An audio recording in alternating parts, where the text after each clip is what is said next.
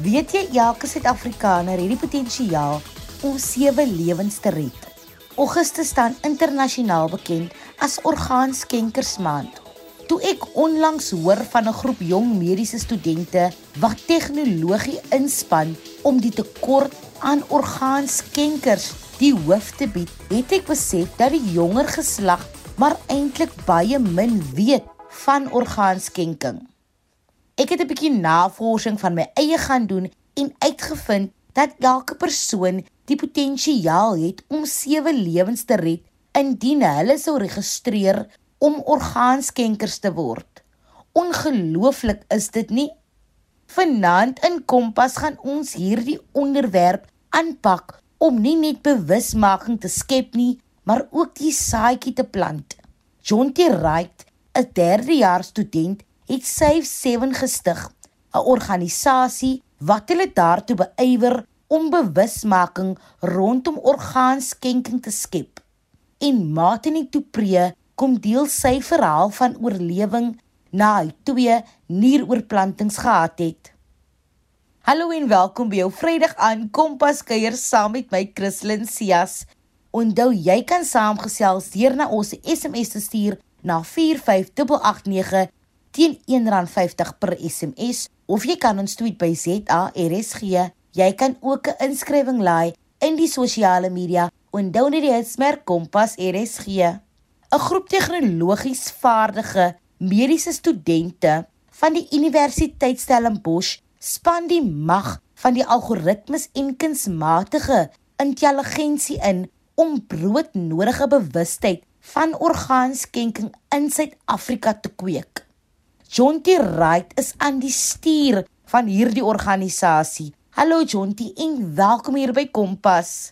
Vertel vir ons wat die Save 7 inisiatief is. Save 7 is 'n NPO wat KI en sosiale media gebruik om die orgaanskenkingskoers in Suid-Afrika te verhoog. Ons bevorder bewustheid oor orgaanskenking via sosiale media deur mense aan te moedig om inligting oor orgaanskenking via Instagram, TikTok, Facebook, Twitter en LinkedIn te versprei. Ons ondersteun pasiënte wat wag op 'n transplantasie deur hulle van eetes en advies te voorsien oor hoe om op dialyse te leef terwyl hulle 'n transplantasie afwag. En ons help om stelsels te bou wat die effektiwiteit van die skenkingsproses verbeter. Hierdie stelsels kan deur dokters gebruik word om potensiale skenkers aan te dui. Interessant. En hoekom het jy Save 7 gestig? Ek kon Save 7 nie voorstel sonder om Lenet in te sluit nie. 'n moeder, suster en dialyse pasiënt by Tygerberg Hospital. Ek het Lenet in my eerste jaar van mediese skool ontmoet waar sy my vertel het hoe sy gebore is met 'n genetiese toestand wat veroorsaak het dat haar niere teen die ouderdom van 30 misluk het. Haar jonger suster is 2 jaar gelede oorlede terwyl sy op die lewensreddende transplantasie gewag het wat nooit gekom het nie. En nou is sy in dieselfde posisie letterlik aan die wag om te sterf. Hierdie ervaring het my aangegryp en ek was geskok toe ek uitvind dat daar meer as 4000 Suid-Afrikaners met 'n soortgelyke verhaal is. Maar omdat nie genoeg mense 30 sekondes neem om as orgaanskenker te registreer nie, gaan tot 60 lewensvatbare organe elke week verlore in plaas daarvan om aan pasiënte soos Lenet gegee te word. Jy het toe 'n webwerf geskep en daarna 'n kletspot Vat ons deur hierdie proses. Hoe het alles bymekaar gekom en weet jy daarmee gehelp? Na die ontmoeting met Lenet het 'n paar van my klasmaats en ek besluit dat ons meer bewustheid oor orgaanskenking moet skep. Ons wou hulle inspireer met pasiëntstories soos ons was en het 'n webwerf geskep om die getuienisse van mense wat op organe wag en wie se lewens deur orgaantransplantasies gered is te deel en op te neem. My pa het my in my eerste jaar van mediese skool geleer hoe om 'n webwerf te bou. En ek het sy help ingeroep om die meer uitdagende aspekte van die ons webwerf te bou. Ons wou ook dit maklik maak vir ons gebruikers om antwoorde op hul dringende vrae te vind, soos laat my godsdienste toe. Is dit gratis en gebeur dit terwyl ek lewendig is? Ons het egter al gou besef dat ons nie heeltemal al die mense van Suid-Afrika kon bereik nie en iemand benodig om namens te praat wanneer ons dit kan nie. Iemand wat kundig is in orgaanskenking en regstreeks met mense in gesprek kan tree. Ek was besig om aan 'n KI kletspot vir 'n ander projek te werk en het besef dat dit met die regte KI engine en opleidingsdata die perfekte ambassadeur sou wees om enige vrae oor 'n gaanskenking te beantwoord. Dus het ons 'n KI kletspot ontwikkel, soortgelyk aan ChatGPT wat enige vrae oor 'n gaanskenking in enige taal kan beantwoord. Sjoe, hierdie is weer eens 'n bewys dat dit 'n gemeenskap vat om iets op die been te bring. Dink jy daar moet meer bewusmaking geskep word rondom orgaanskenking? Absoluut. Daar is soveel bewustheid as moontlik nodig. En dit is baie maklik vir almal om bewustheid te skep of dit nou is deur om aan die aandetafel te praat of op sosiale media te plaas. Al wat jy hoef te doen om jou organe na jou toe te skenk, is om seker te maak dat jou nabestaandes ja sê. Deur dit te doen, kan jy tot 7 lewens na jou dood red. Maar 95% van Suid-Afrikaners weet nie hiervan nie en tot 60 organe word elke week begrawe in plaas daarvan om aan mense in desperaatheid gegee te word. Jy kan aanmeld en 'n boodskap vir jou gesin op save7.org agterlaat sodat tot 7 lewens binne 60 sekondes vandag gered kan word. Hoe kan 'n mens hierdie moeilike onderwerp meer eenvoudig maak? Ja, jy het reg. Dit is iets wat ongemaklike gedagte om te hê. Niemand hou daarvan om oor hul dood te dink nie. Maar is baie ongemakliker vir jou gesin om nie te weet of jy na jou dood 'n orgaanskenker wou word nie. Ons kan dit nou makliker vir hulle maak deur een kort gesprek en dit baie makliker maak vir pasiënte wat wag vir lewensreddende orgaantransplantasies. Ons het gepoog om Safe7 kleurvol, energiek en fokus op die idee van lewens vermenigvuldig deur nou een gesprek te hê in plaas daarvan om oor die dood te dink. Dis 'n bittergoeie punt wat jy daar maak. Safe7 het ook 'n vennootskap by die Orgaanskenker Stichting van Suid-Afrika aangegaan. Vertel ons 'n bietjie meer oor hierdie vennootskap. Natuurlik. Ons het saam met die Orgaanskenker Stichting van Suid-Afrika vennootskap gesluit om bewustheid oor orgaanskenking onder alle ouderdomsgroepe te verhoog. Of jy nou registreer as geskenker op save7.org of die ouer EF se webwerf, sal jy in dieselfde database ingaan wat oorplantingskoördineers in staat sal stel om toestemming van jou naasbestandes te verkry indien die ergste gebeur. En wat kan 'n mens alles op Save7 leer en ook doen? Byvoorbeeld 'n testament los om jou familie te verwittig dat jy jou organe wil skenk en so voorts. Jy kan aanmeld en 'n persoonlike stemboodskap in 'n tydkapsule agterlaat oor wat met jou organe moet gebeur nadat jy hierheen gegaan het. Ons sal seker maak dat jou nabestaandes dit ontvang. Jy kan ook ander boodskappe in ons tydkapsule insluit, soos 'n dankie boodskap aan jou ma, raad aan jou seun, advies aan jou toekomstige self om later toegang tot te verkry of 'n boodskap vir jou dogter om op haar 21ste verjaarsdag oop te maak. Die moontlikhede is eindeloos en al die fondse wat ons hiermee insamel, gaan na die bevordering van bewustheid oor orgaanskenking via sosiale media. Jy kan enige vrae wat jy oor orgaanskenking het beantwoord en as 'n vrywillige registreer om ons te help om meer bewustheid oor orgaanskenking in die hele land te bevorder. Dis nou iets goed. Hoe maak Save7 dit vir gebruikers makliker om hul vriende en gesinslede aan te moedig om ook as skenkers te registreer. Ons webwerf skakel direk na sosiale media platforms soos Facebook, WhatsApp en Twitter wat dit baie maklik maak om hierdie lewensreddende inligting met die druk van 'n knoppie te deel. Ons moedig mense ook aan om bewustheid oor orgaanskenking via sosiale media te versprei. As jy na ons Instagram of Facebook @safe7lives gaan, sal jy 'n kompetisie sien wat loop oor hoe jy 'n R500 Takealot voucher kan wen deur Safe7 se inhoud via sosiale media te deel.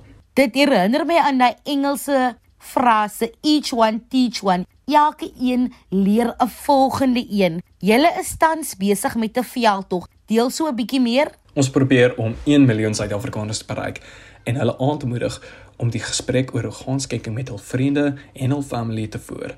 Om dit te doen, kom ons voor soveel kameras, mikrofone en luidsprekers as moontlik uit en ons motiveer elke een van ons gebruikers om hierdie lewensreddende inligting oor die hele land te versprei. Wanneer hulle op save7.org beland, het ons 'n 30 sekonde aanmeldingsvorm geskep wat hul wense om orgaanskenkers te word stoor en 'n boodskap aan hul nabestaandes stuur om die gesprek vir hulle te begin.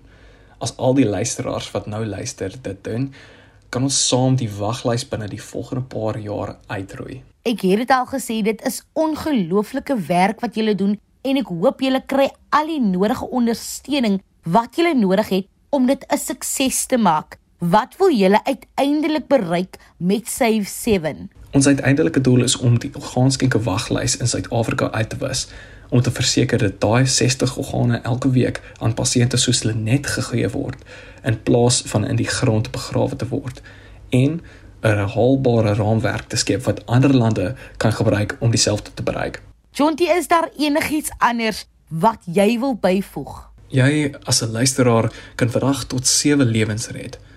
Dit kos nie geld nie en dit neem skaars tyd in beslag, maar kan 'n lewe red. In feite, dit kan save 7. Baie dankie aan Jonty Wright wat vanaand hier by ons aangesluit het. Hy is die stigter van die Save 7 organisasie. Hierdie is jong mense wat besig is met baanbrekende werk. Welgedaan julle. Indien jy pas ingeskakel het, welkom by vanaand se aflewering van Kompas. Ons gesels vanaand oor die bewusmaking rondom orgaanskenking. Dink jy daar moet meer bewusmaking geskep word rondom orgaanskenking? Tweet ons by ZARSG of laat iets in die sosiale media onthou net die hitsmerk Kompas RSG. Jy kan natuurlik ook aan ons SMS stuur na 45889 teen R1.50 per SMS. Martinique Dupree gaan nou sy persoonlike lewensverhaal met ons kom deel. Hierdie jong man het al twee nieroorplantings gehad en hy gaan kom vertel hoe sy lewe nou na die tweede suksesvolle nieroorplanting is. Dankie dat jy besluit het om jou verhaal met ons te kom deel, Mateniek. Vertel ons eers so 'n bietjie meer oor jouself. Wie is jy van waar is jy en wat doen jy? Hi, ek is Mateniek de Pree. Ek is 27 jaar oud en ek is van 'n klein plek in die Langkloof Haarlem, net buitekant Uniondale. In 2010, nadat ek begin siek raak het, het ek Kaap toe getrek en dit is waar ek nog steeds is. Op die oomblik as ek besig om my onneersgraad te voltooi in projekbestuur en um, ek is 'n baie passievolle mens oor sport um en fiksheid bly te ken Martinique, wanneer het jou stryd met jou niere begin? Ouderdom van 13 het my liggaam net verskriklik begin swel.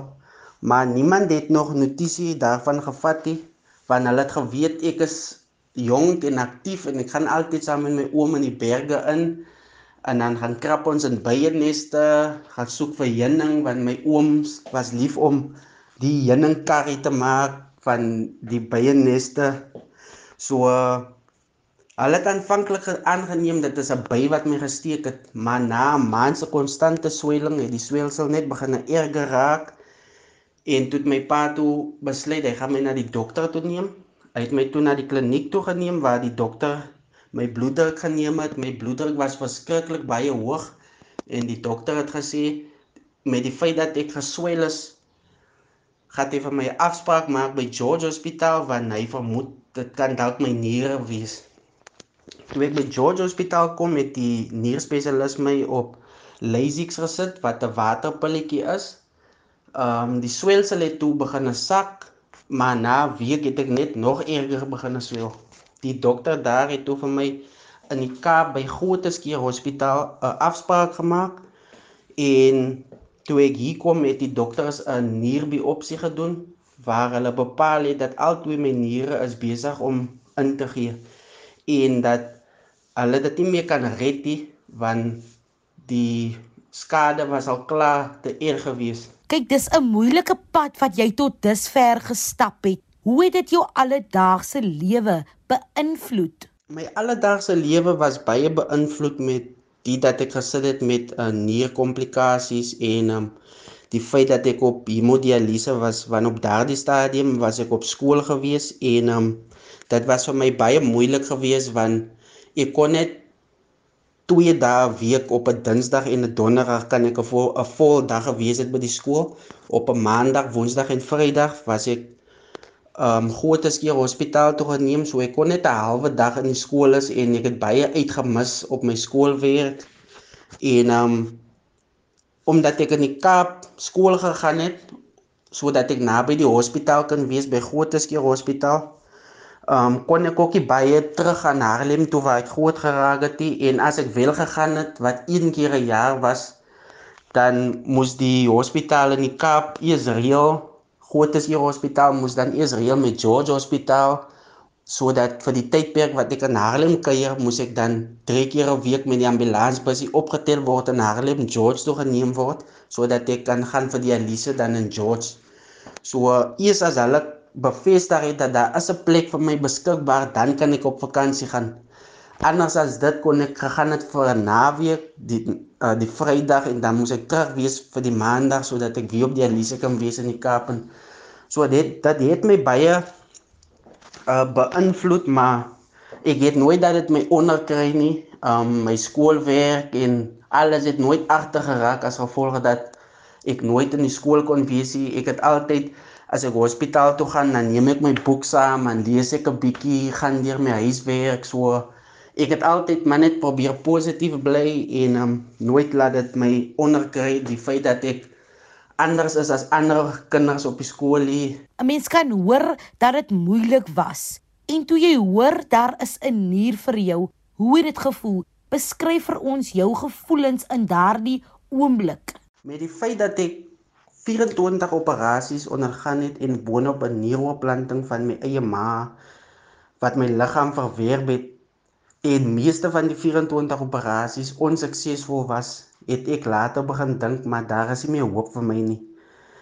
Want my eie ma het vir my 'n nier geskenk en my liggaam het dit verwerk en ek het toe begin dink maar as my ma se nier, my liggaam my ma se nier reject, hoe gaan my liggaam enige ander mense buitekant se nier aanvaar?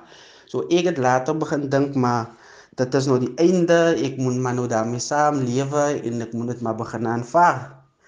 En um ek het toe begin aanvaar dat dit is maar nou hoe my lewe is en um maar ek het ook altyd geglo dat die Here vir my 'n wonderwerk kan doen. Ek het net nie geweet hoe hy dit gaan doen nie, maar ek het geglo dat hy vir my 'n wonderwerk gaan doen en um, ek het kerk toe gegaan en ek het gebid en eendag het die pastoor my uitgeroep en um, hy het vir my gevra um glo ek dat die Here vir my 'n wonderwerk kan doen en ek het vir hom gesê dat ek glo die Here vir my 'n wonderwerk kan doen, maar ek weet net nie hoe hy dit gaan doen nie. Ek sien nie hoe hoe dit moontlik is, hoe dit kan gebeur nie, maar ek het geglo dat die Here vir my 'n weg kan maak.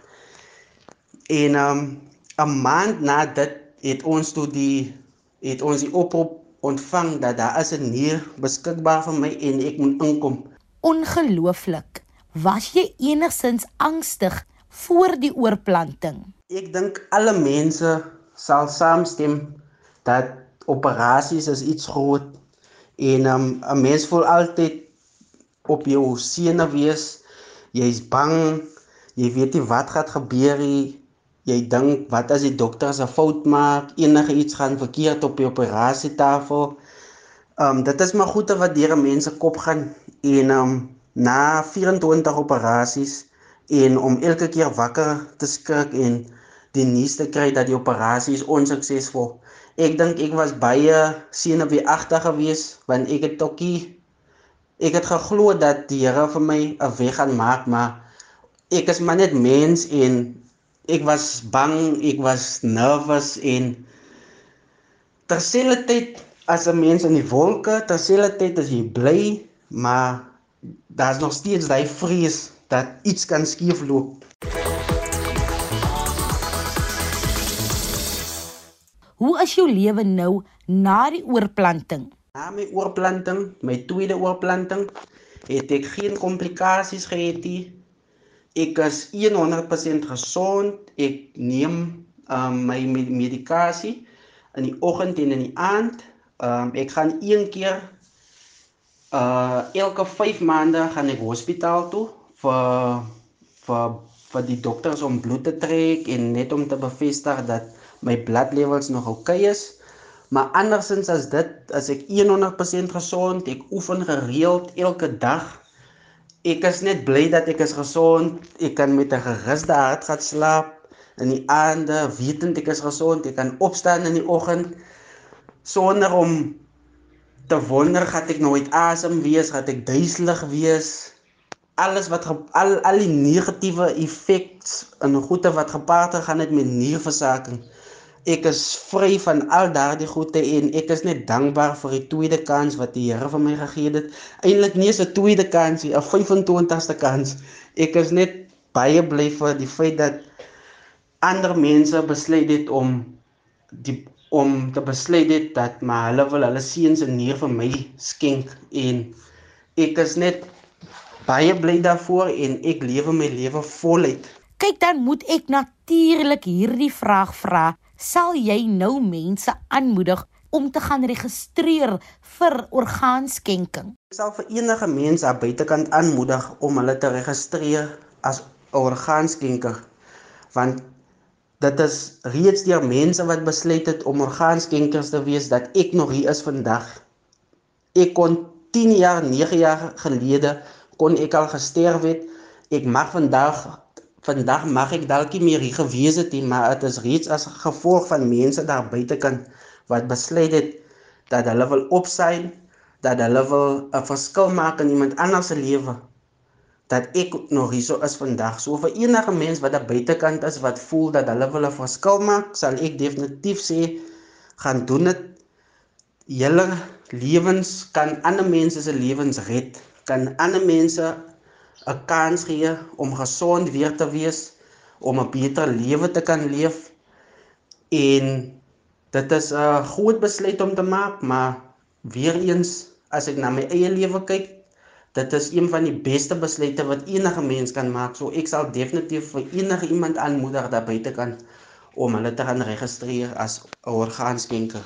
Ek dink nie daar is genoeg bewusmaking rondom hierdie onderwerp nie. Het jy dalk 'n boodskap aan iemand wie tans wag op 'n orgaan of 'n oorplanting of 'n nier of enige iets soos daardie? Vir enige iemand daar buitekant wat tans op 'n waglys is vir 'n orgaan, wil ek net sê bly altyd positief. Ek weet self ook dat as jy gewag, die gewag en die feit dat jy nie weet wanneer dit is dit wat 'n mens so frustreer, jy weet nie wanneer die deurbraak kom nie.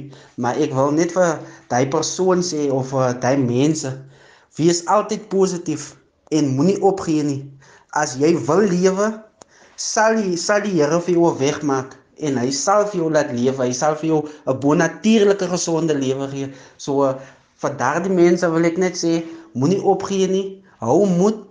Die deurbraak is om die draai. Baie dankie Martinik dat jy vandag jou verhaal met ons kom deel het en dat jy heel aan die ander kant uitgekom het. Jou storie is een van hoop en inspirasie en ek hoop dit motiveer mense om hulself meer op te voed rondom hierdie onderwerp van orgaanskenking. Ons kan almal meer doen om bewusmaking te skep rondom belangrike onderwerpe soos orgaanskenking. Elke druppel in die emmer help en dit is ons elkeen se verantwoordelikheid om die volgende persoon op te voed oor iets waaroor hulle nie weet nie. Fluit fluit, Christlyn Sia se storie is amper uit. Indien jy enige van ons programme gemis het of net baie graag weer daarna wil gaan luister, kan jy dit altyd aflaai op www.rsg.co.za. Gaan dit na die potgooi skakel en soek onder K vir Kompas. Kompas word aan jou gebring deur SABC opvoedkunde. Indien jy hierdie naweek buite en tussen mense is, wees veilig en wees lekker. Plant die saadjie van geluk en absolute lekkerte. Van my Christlyn en die Kompas span, 'n lieflike naweek aan julle. Kompas, jou rigtingaanwyser tot sukses.